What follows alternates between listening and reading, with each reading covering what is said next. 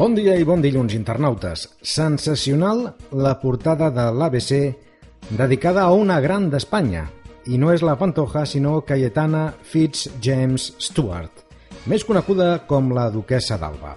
Aquesta senyora, coneguda especialment en la seva loquacitat intel·lectual, afirma que el que passa a Catalunya és molt perjudicial i poc patriota. És simptomàtic que fins i tot una de les reines de la premsa del cor opini sobre la situació catalana, però una persona que és la terratinent més gran d'Espanya, en una de les regions, no oblidem, més subvencionades, poca legitimitat té per parlar de patriotisme. Això sí, el poti-poti en forma de creuada anticatalana cada vegada s'hi afegeixen més frics. Un altre tema candent que sembla que s'hagi generat en els darrers dies és el problema dels desnonaments una qüestió espinosa i delicada que els governs han obviat de la seva agenda durant anys i que ens aboca la xifra esgarrifosa de 350.000 famílies desnonades des de 2008.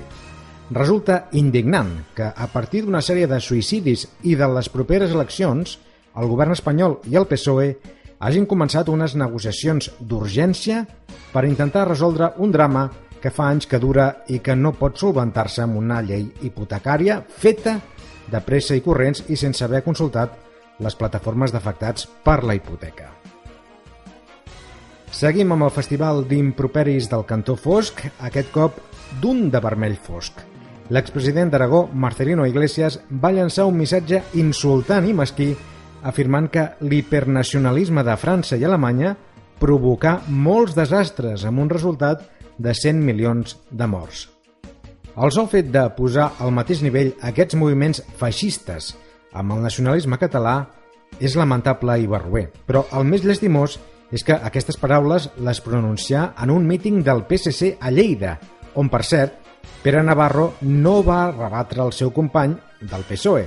No és estrany el que diuen les enquestes sobre els socialistes catalans si tenim en compte l'ajuda que els brinden els seus col·legues del carrer Ferraz de Madrid.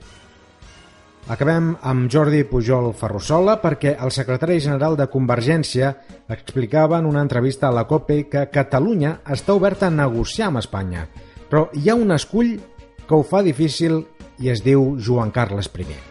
En aquest sentit, el diari El Mundo es fa ressò d'aquesta entrevista i, a més, deixa entreveure que el príncep Felip podria, i dic podria en condicional, acceptar la independència, una hipòtesi que indigna els lectors d'un diari que els darrers temps ve alimentant un caldo de cultiu antimonàrquic.